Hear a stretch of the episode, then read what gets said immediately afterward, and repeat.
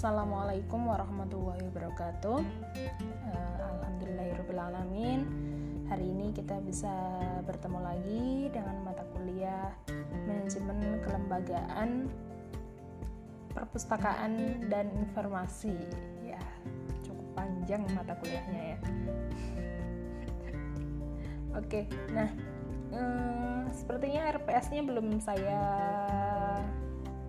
saya bahas jadi mungkin yang kelas B terutama daripada harus uh, mengulang jadi saya akan apa saya akan coba untuk mereview sebentar tentang RPS apa saja sih yang akan kita dapatkan dalam satu satu semester ini ya Nah, sebelum kita mulai, mari kita membaca basmalah bersama-sama. Bismillahirrahmanirrahim. Semoga uh, rekaman ini bisa berjalan lancar sampai purna nanti ya. Nah, uh, kita lihat kalian sudah saya berikan apa PDF tentang R, RPS mata kuliah MKPI lah mudahnya gitu. Ya. MKPI. Jadi mata kuliah ini adalah mata kuliah uh, turunan dari D3 manajemen manajemen sekolah Nah, kemudian pada S1 jadi diganti menjadi manajemen kelembagaan, perpustakaan dan informasi ya gitu. Nah, ini adalah mata kuliah tentang bagaimana sih um, struktur manajemen dalam sebuah kelembagaan di perpustakaan dan juga lembaga-lembaga informasi gitu. Kita mungkin uh, kalau ada waktu sebentar kita akan melihat lembaga-lembaga yang yang selain perpustakaan yaitu lembaga-lembaga informasi mungkin apa arsip ataupun museum dan sebagainya itu pun kalau ada waktu tapi kalau tidak kita fokuskan pada manajemen kelembagaan di hmm, perpustakaan itu. Nah itu jadi mulai dari perencanaannya kemudian apa saja sih koleksinya ini sampai kemudian hmm, pelaporan ya gitu. Kita lihat saja tidak perlu berpanjang kata kita lihat pada pertemuan pertama kita akan merumuskan sistem perkuliahan karena tidak ada ya kita anggap saya membagi RPS itu sudah uh, apa merumuskan sistem perkuliahan gitulah gitu. Ya satu satu semester ini kita akan kuliah secara daring lagi dan semoga semester depan oh kali ada beberapa ini sudah selesai ya bahkan sudah mau mengajukan proposal Ya. Uh, untuk pertemuan kedua nanti kita akan membahas tentang definisi-definisi uh, manajemen apa saja prinsipnya, kemudian fungsinya, unsur-unsurnya dan juga tokohnya. Nah, ini nanti akan saya ulas setelah ini gitu. Kemudian setelahnya kita akan melihat apa saja sih uh, apa unsur-unsur dari manajemen. Nah, yang pertama adalah perencanaan gitu. Bagaimana sih merencanakan sebuah uh, perpustakaan gitu. Kalau mau perpustakaan, mau mendirikan perpustakaan itu apa yang harus kita rencanakan? Syaratnya apa saja? Nah, itu nanti kita akan bahas pada perencanaan perpustakaan. Kemudian selanjutnya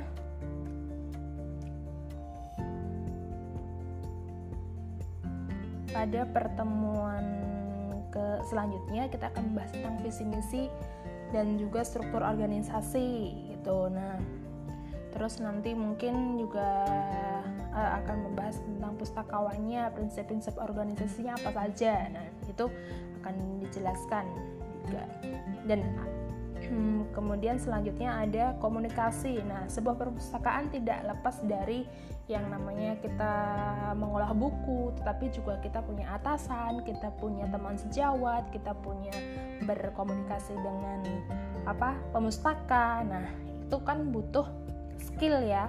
Kita tidak tidak bisa tidak bisa menyampaikan kita misalnya ngobrol sama temen kantor nih kan beda dengan ngobrol dengan atasan gitu bahasanya pasti uh, pemilihan katanya akan berbeda nah itu bagaimana gitu. nanti kita akan uh, bahas kemudian mungkin juga kalau misalnya uh, ada miskomunikasi nah bagaimana kemudian cara solusinya itu akan dibahas.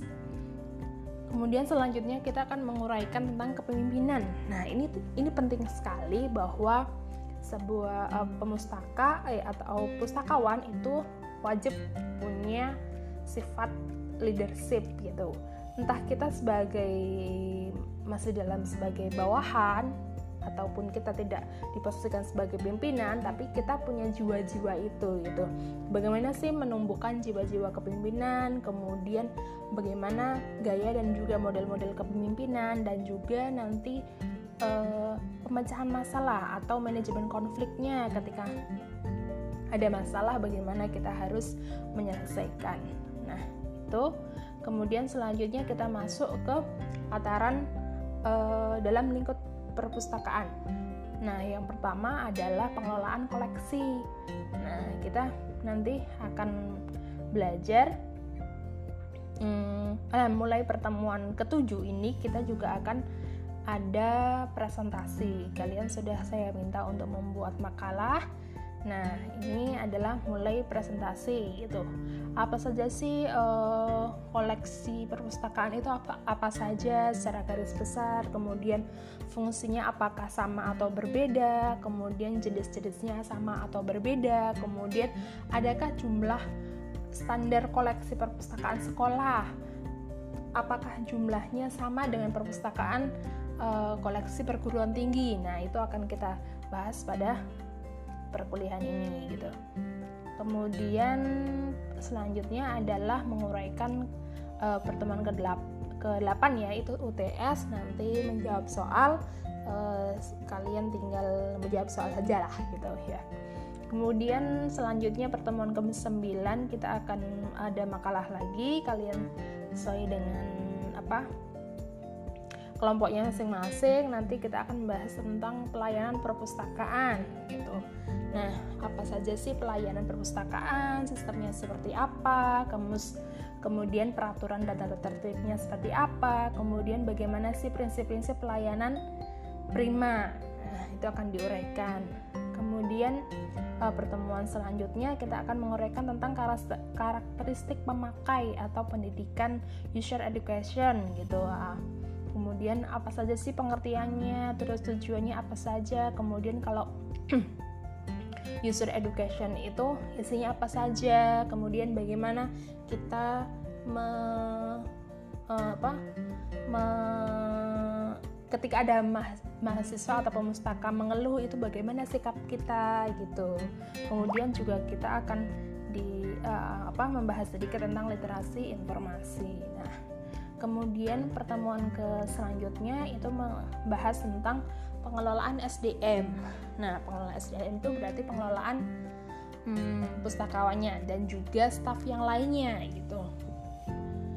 Itu kemudian kualifikasinya apa, kemudian bagaimana meningkatkan peran-peran dan juga uh, agar fungsi SDM ini berjalan maksimal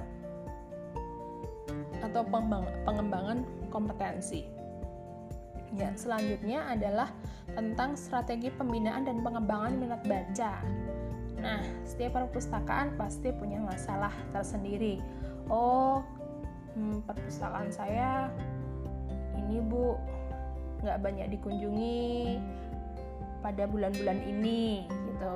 Oh, ini perpustakaan saya koleksinya udah lengkap bu, tapi kok nggak ada yang berkunjung ya. Nah, itu kemudian kita akan membuat uh, sebuah program-program atau pembinaan minat baca atau pengembangan minat baca sesuai dengan karakter uh, perpustakaan itu sendiri. Oh, perpustakaan saya itu perpustakaan desa, Bu. Jadi koleksinya koleksi yang uh, apa teknologi tepat guna. Nah, berarti kita kita hadirkan apa ulasan buku, bah kita hadirkan. Nah, itu nanti juga akan uh, apa bersinergi dengan strategi promosi gitu. Dan juga strategi uh, nah ini dengan nyambung menyambung dengan pertemuan selanjutnya yaitu strategi promosi dan juga kegiatan perpustakaan gitu. Kira-kira hmm, kalau lomba ini akan meningkatkan kunjungan meningkatkan oh kalau ternyata koleksinya oh ternyata perpustakaan ini punya koleksi ini ya. Nah gitu nah ini akan bersinergi dengan kegiatan-kegiatan dari promosi perpustakaan. Kemudian juga sekarang ada yang namanya bisnis informasi gitu bahwa perpustakaan itu punya uh, apa koleksi-koleksi khusus gitu oh perpustakaan daerah itu ini loh punya berlangganan jurnal oh perpustakaan perguruan tinggi UIN Antasari itu berlangganan jurnal ini. Nah pustakawan referensi akan membuat sebuah kemasan-kemasan ulang informasi kemudian kita bisnis informasi kita share ataupun misalnya kalian butuh uh, saya butuh uh, saya mau penelitian bu saya butuh informasi khusus tentang ini gitu. Bisa dibantu nah, nanti perusahaan referensi bisa memberikan bantuan ataupun nanti bimbingan gitu. Nah, kemudian yang tidak kalah penting adalah pengawasan ataupun pelaporan. Kita bisa membuat kegiatan, melaksanakan kegiatan, tapi kita juga harus mampu membuat laporan. Laporan apakah itu laporan kegiatan ataupun laporan laporan di perpustakaan gitu gitu. Bisa bisa uh, tiga bulanan ataupun bisa enam bulanan ataupun satu tahun. Nah seperti awal kita merencanakan kita bisa membuat apa program kerja tetapi juga kita bisa membuat laporannya gitu. Ternyata dalam satu tahun ini ketercapaian program kerja saya itu hampir 98 gitu. Oh hampir 100% oh saya cuma bisa 40 eh, sampai 50 Bu karena dananya diambil untuk Covid. Nah, itu ada tanggung jawab gitu, ada di situ. Gitu. Ada statistik perpustakaan juga seperti itu. Nah, kemudian yang tidak kalah penting adalah kita ingin melihat bagaimana sih uh, desain perpustakaan dan juga pengembangan perpustakaan ke depan gitu. Kira-kira kalian punya wacana apa tentang desain perpustakaan 10 tahun, 20 tahun ke depan gitu. Bagaimana sih tren tren pemustaka tahun 2000 2021 ya gitu. Nah, setelah satu tahun pandemi, apakah kemudian uh, mereka punya strategi penelusuran tersendiri ataupun berapa punya model tersendiri ataupun mungkin dari sisi perpustakaannya apakah perpustakaan punya strategi bagaimana uh, agar pemustaka itu bisa memanfaatkan lagi, bisa mau berkunjung lagi. Ya, itu itu adalah desain-desain perpustakaan uh, yang akan datang gitu. Nah, apa trennya gitu? Kalian bisa membaca membaca keadaan gitu. Ya, kemudian terakhir pertemuan terakhir yaitu UAS atau final test. Kalian saya minta untuk uh, mahasiswa mampu mendesain laporan pertanggungjawaban perpustakaan dalam bentuk laporan akhir gitu. Nah, gitu nanti setelah kalian sudah bisa membuat makalah dengan mungkin nanti koleksi perpustakaannya dengan jenisnya. Nah, seakan-akan uh, kalian juga akan membuat laporan tentang uh, koleksi. Saya bekerjanya di bagian layanan koleksi, Bu, gitu. Saya bagian sirkulasi bu gitu. Nah kalian laporkan seperti apa. Ini hanya bayangan saja gitu. Hanya bayangan-bayangan yang kalian bisa bayangkan gitu. Artinya dibentuk dalam sebuah laporan akhir gitu. Nah itu se sekilas tentang RPS yang akan kita apa materi-materi yang akan kita dapatkan dalam satu satu semester ini. Nah, jika ada pertanyaan nanti bisa ajukan di grupnya, gitu ya. Kita lanjutkan. Kita lanjutkan pada pertemuan selanjutnya. Untuk pertemuan pertama adalah kita melihat uh, apa sih definisi manajemen gitu. Manajemen itu uh, secara teori uh, berasal dari kata to manage yang berarti mengatur, mengurus ataupun mengelola. Nah, kalau dari definisi itu tergantung tokohnya. Tokoh-tokoh manajemen banyak di dunia ini dari mulai klasik sampai yang kontemporer gitu. Nah, misalnya kita mengambil dari Melayu SP Hasibuan menjelaskan bahwa manajemen itu adalah apa yang diatur, kemudian mengapa harus diatur, siapa yang mau mengatur, bagaimana mengaturnya dan di mana harus diatur gitu. Ada berapa komponen itu? Apa yang diatur? Kira-kira uh, kita langsung contohkan saja kalau di perpustakaan, perpustakaan ini uh, sebagai seorang pimpinan, oh saya saya harus mengatur siapa gitu. Misalnya saya ditunjuk sebagai kepala perpustakaan, uh, apa ya tugas saya saya akan mengatur apa saja ini. Nah gitu. Apa yang akan diatur kemudian mengapa harus diatur? Ya kita menguraikan mengapa juga. Kira-kira dibaliknya apa ya penjelasannya? Oh saya diberikan kepala itu dengan alasan A B C D E F G gitu. Kemudian siapa yang mengatur? Nah ini gitu. Oh kamu saya tunjuk sebagai uh, ketua koordinator bagian sirkulasi. Nah kemudian nah ini berarti ada si si pelakunya gitu. Kemudian setelah ditunjuk kemudian bagaimana kemudian? Oh saya sudah jadi kepala bagian sirkulasi berarti saya wilayah saya apa? Oh kira-kira saya harus mengatur bagian ini ini ini. Nah kemudian dia muncullah strateginya gitu bagaimana mengaturnya. Nah kemudian dan di mana harus diatur? Oh saya ditempatkan di sirkulasi berarti saya mengurusi bagian hanya sirkulasi. Nah pertanyaan-pertanyaan tersebut nanti menjelaskan bagaimana objek pengelolaan manajemen gitu. Nah misalnya kita lihat definisi yang lain ini dari Mary Parker Follett dia bilang bahwa manajemen itu adalah suatu seni karena melakukan suatu pekerjaan yang dibutuhkan yang membutuhkan keterampilan khusus gitu. Bahwa manajemen itu seni mengatur. Jadi ya seni untuk mengatur oh dan dia membutuhkan sebuah keterampilan. Tidak bisa sembarang orang gitu. Dan butuh uh, kualifikasi tersendiri untuk bisa mengatur itu gitu. Nah, kemudian uh, definisi yang lain oleh Harold Kohn dan Cheryl O'Donnell itu usaha untuk mencapai tujuan tertentu melalui kegiatan orang lain. Nah, adalah ada usaha untuk mencapai tujuan. Jadi, sebuah langkah usaha-usaha untuk saya sampai finish itu tapi melibatkan orang lain. Dan itu ada banyak kegiatan. Dalam sampai finish itu saya harus melangkah. Gitu. Nah ada kegiatannya. Ada banyak juga uh, definisi-definisi yang lain kalian bisa baca dan juga pahami di slide ini nanti. Gitu. Nah, kemudian definisi yang lain dari Depdikbud, manajemen adalah proses penggunaan sumber daya secara efektif untuk mencapai sasaran. Gitu. Mirip-mirip yang tadi, ada proses penggunaan sumber daya secara efektif, ada kalimat efektifnya untuk mencapai sasaran. Kita mau sampai finish bagaimana caranya?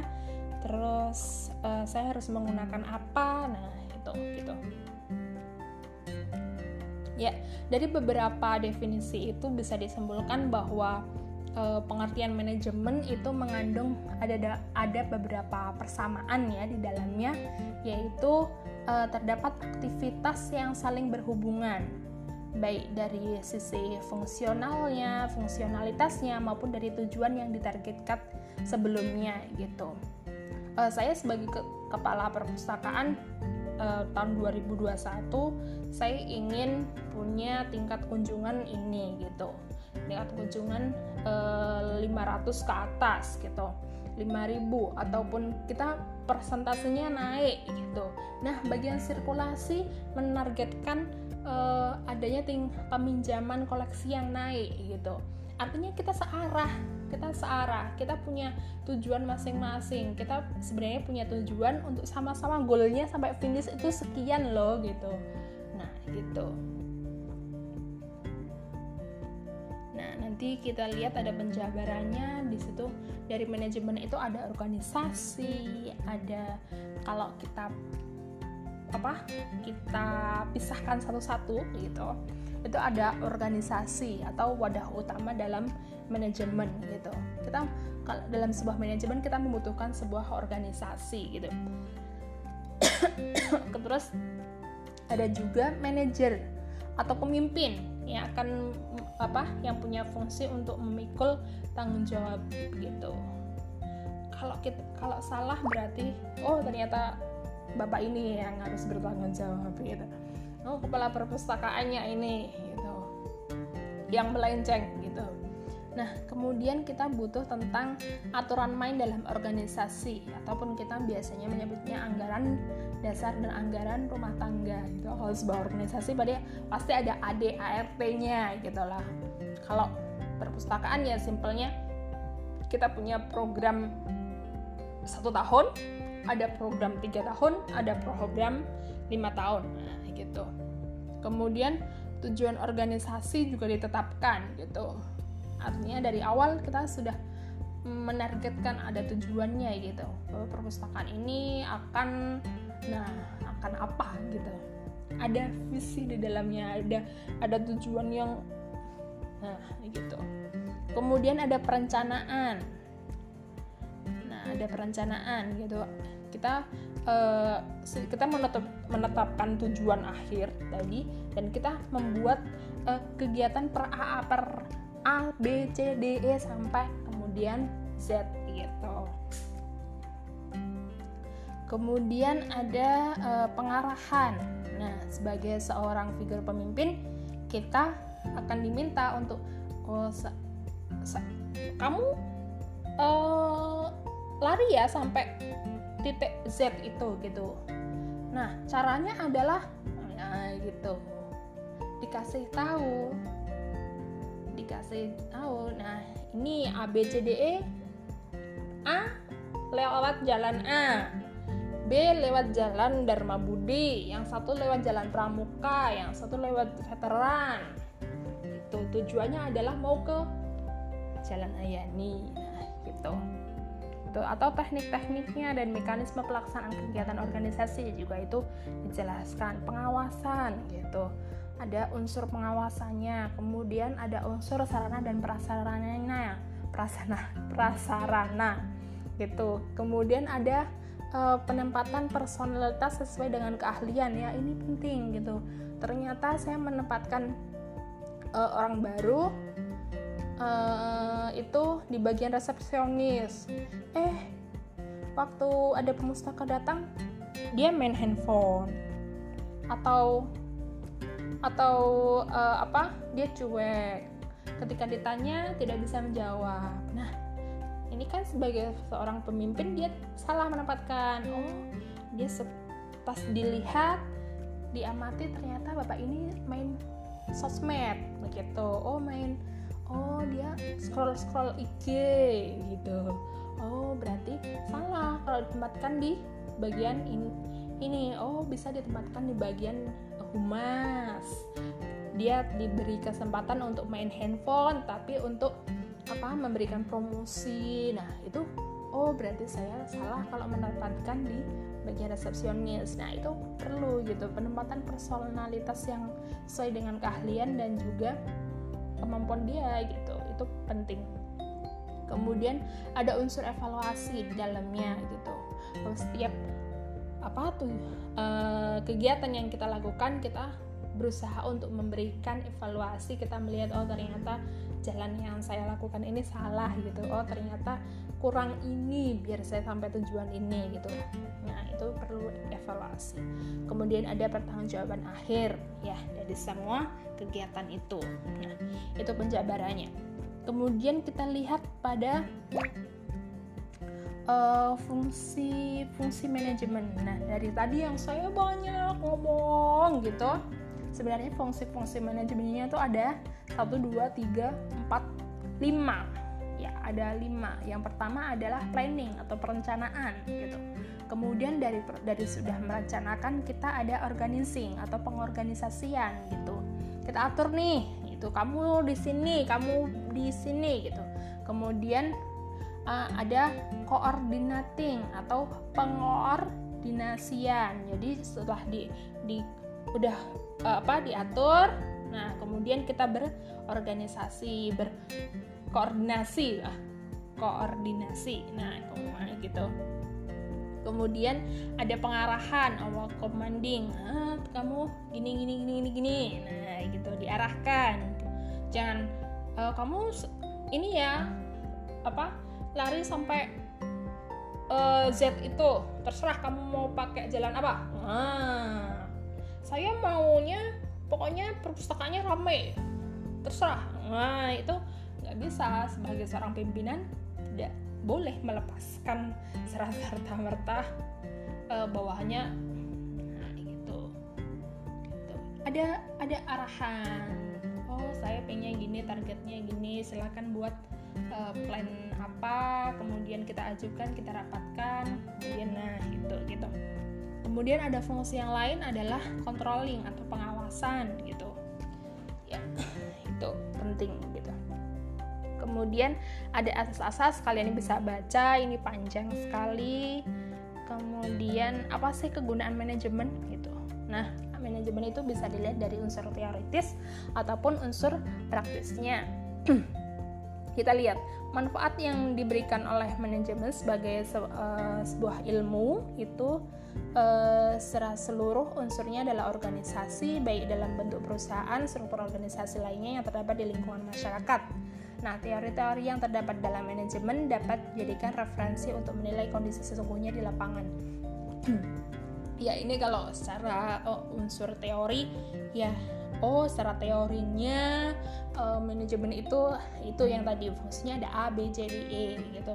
Nah, kalau kita tahu nanti kita bisa mengaplikasikan ketika berada di lapangan. Nah, unsur praktisnya adalah teori ini ya untuk diterapkan dalam aktivitas yang sungguhnya itu uh, penting gitu dalam mempraktekkan fungsi manajemen dan segala halnya dalam sebuah perusahaan ya artinya uh, kalau kita tahu mudahnya adalah ketika kita belajar manajemen kita tahu secara teori uh, apa ya ya kita berusaha untuk juga mempraktekkannya di dalam ya dalam kerja dalam lapangan gitu dalam pekerjaan kita gitu. Tidak hanya kemudian kita tahu oh ya fungsinya kalau manajemen itu ada perencanaan gitu. Iya aku tahu. Tapi ya hmm, aku nggak suka cara itu gitu. Artinya oh, udahlah yang penting aku jalan yang penting aku tahu gitu.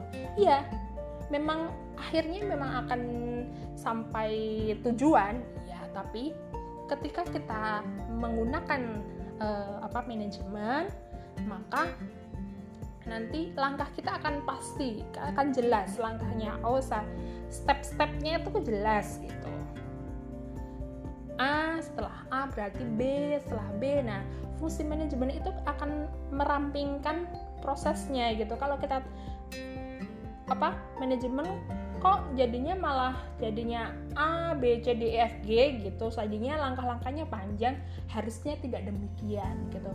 Karena kita belajar manajemen otomatis kita tahu nih langkah yang cepat agar sampai itu gitu. Ada ada e, memangkas waktu itu ya jadi efektif efisien gitu. Itu harusnya seperti itu. Nah gitu. Itulah fungsi-fungsi kegunaan manajemennya gitu. Jadi kalau kita belajar tahu teorinya tahu langkahnya kita harapkan. Nah kita gitu. Nah nanti kita lihat. Apa saja sih unsur-unsur manajemen? Yang pertama adalah ada orangnya nih orang para pekerjanya ada pustakawannya ada kepalanya ada staffnya gitu. Kemudian ada money uang atau modal pembi pembiayaan. Ya kita bikin ADART maka kita ajukan ke sekolah ataupun ke lembaga yang rektorat gitu. Nah kita dalam satu tahun kita butuh berapa? Ratus juta. Ya kalau dalam aturan misalnya 5% dari anggaran total gitu. Bu teorinya gini bu. 5% gitu oh saya nggak bisa kalau 5% gitu. Ya berapa gitu. Akhirnya kita ajukan dengan program kerja oh saya satu tahun ini butuh untuk beberapa puluh juta gitu. Untuk buku, untuk buku sekian untuk koleksi referensi sekian untuk penambahan ini untuk perawatan AC untuk ini ini. Nah itu nanti kita butuh uang dan modal pembiayaan untuk dalam satu tahun anggaran gitu kemudian metode atau teknik atau teknis mengerjakan kegiatan organisasi. Oh yang namanya apa pengembangan koleksi itu prosesnya dari A gitu. Kalau namanya buku misalnya eh, pengolahan buku nah itu pasti ada langkah-langkahnya oh bukunya datang kita cek berita acaranya. Oh sudah benar. Ini. Oke mari kita cap. Gitu. Cap harus ada aturannya kan kayak gitu. Oh kemudian setelah itu kita masukkan buku in, buku induk itu kan ada langkah-langkahnya gitu. Kemudian ada, ada juga unsur manajemen yang lain adalah material atau bahan-bahan yang diperlukan untuk mencapai tujuan. Oh kita butuh komputer. Komputernya sudah ini. Oh kita harus mengajukan eh, buku-buku uh, untuk uh, apa sebentar lagi mau ujian SMPTN oh kita ajukan nah gitu Kemudian ada mesin, alat-alat yang dibutuhkan untuk mempercepat proses produksi dan mencapai tujuan. Nah, misalnya bagian, oh saya repository itu butuh bu, saya butuh untuk alat digital, bagaimana membuat uh, apa? Ada scanner yang cepat gitu. Nah, itu butuh alat-alat. yang terakhir adalah market atau pasar sebagai tempat untuk mendistribusikan produk ya kita ada perpustakaan ada lembaganya ada bagian sirkulasinya gitu.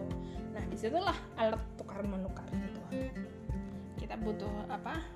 Kalau mau pinjam buku harus ada kartu anggotanya. Nah itu sebagai alat transaksi tukar menukar kan gitu. Kalau nggak ada apa nggak ada kartunya ya nggak bisa kami layankan gitu. Nah kita lihat selanjutnya adalah tokoh-tokoh hmm, tokoh-tokoh manajemen kalian bisa baca. Tidak terasa sudah setengah jam ya saya ngomong.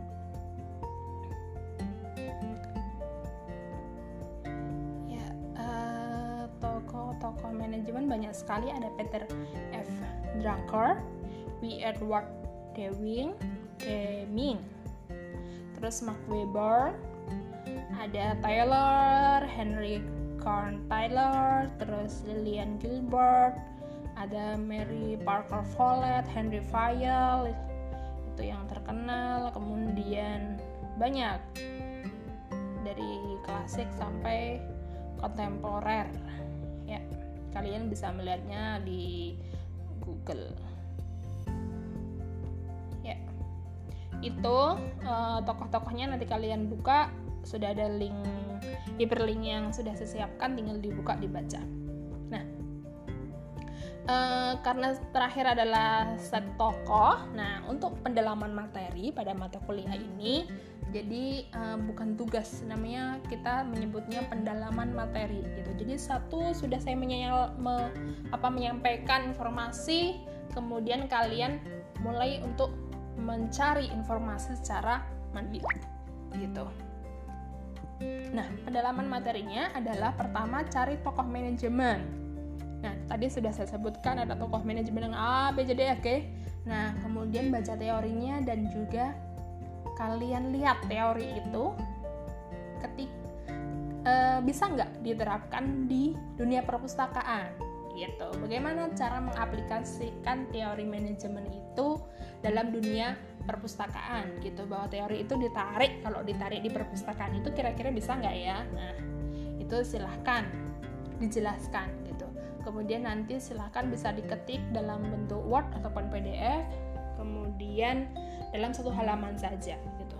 Kemudian sertakan sumbernya. Nah ini bisa dikumpulkan di pertemuan selanjutnya gitu. Berarti hmm, minggu depan itu saja untuk perkuliahan kali ini. Terima kasih atas atensinya mau mendengarkan uh, suara ibu yang cempreng ini. Kalau ada pertanyaan silahkan ajukan di grup.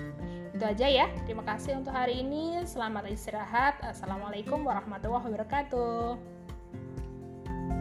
thank you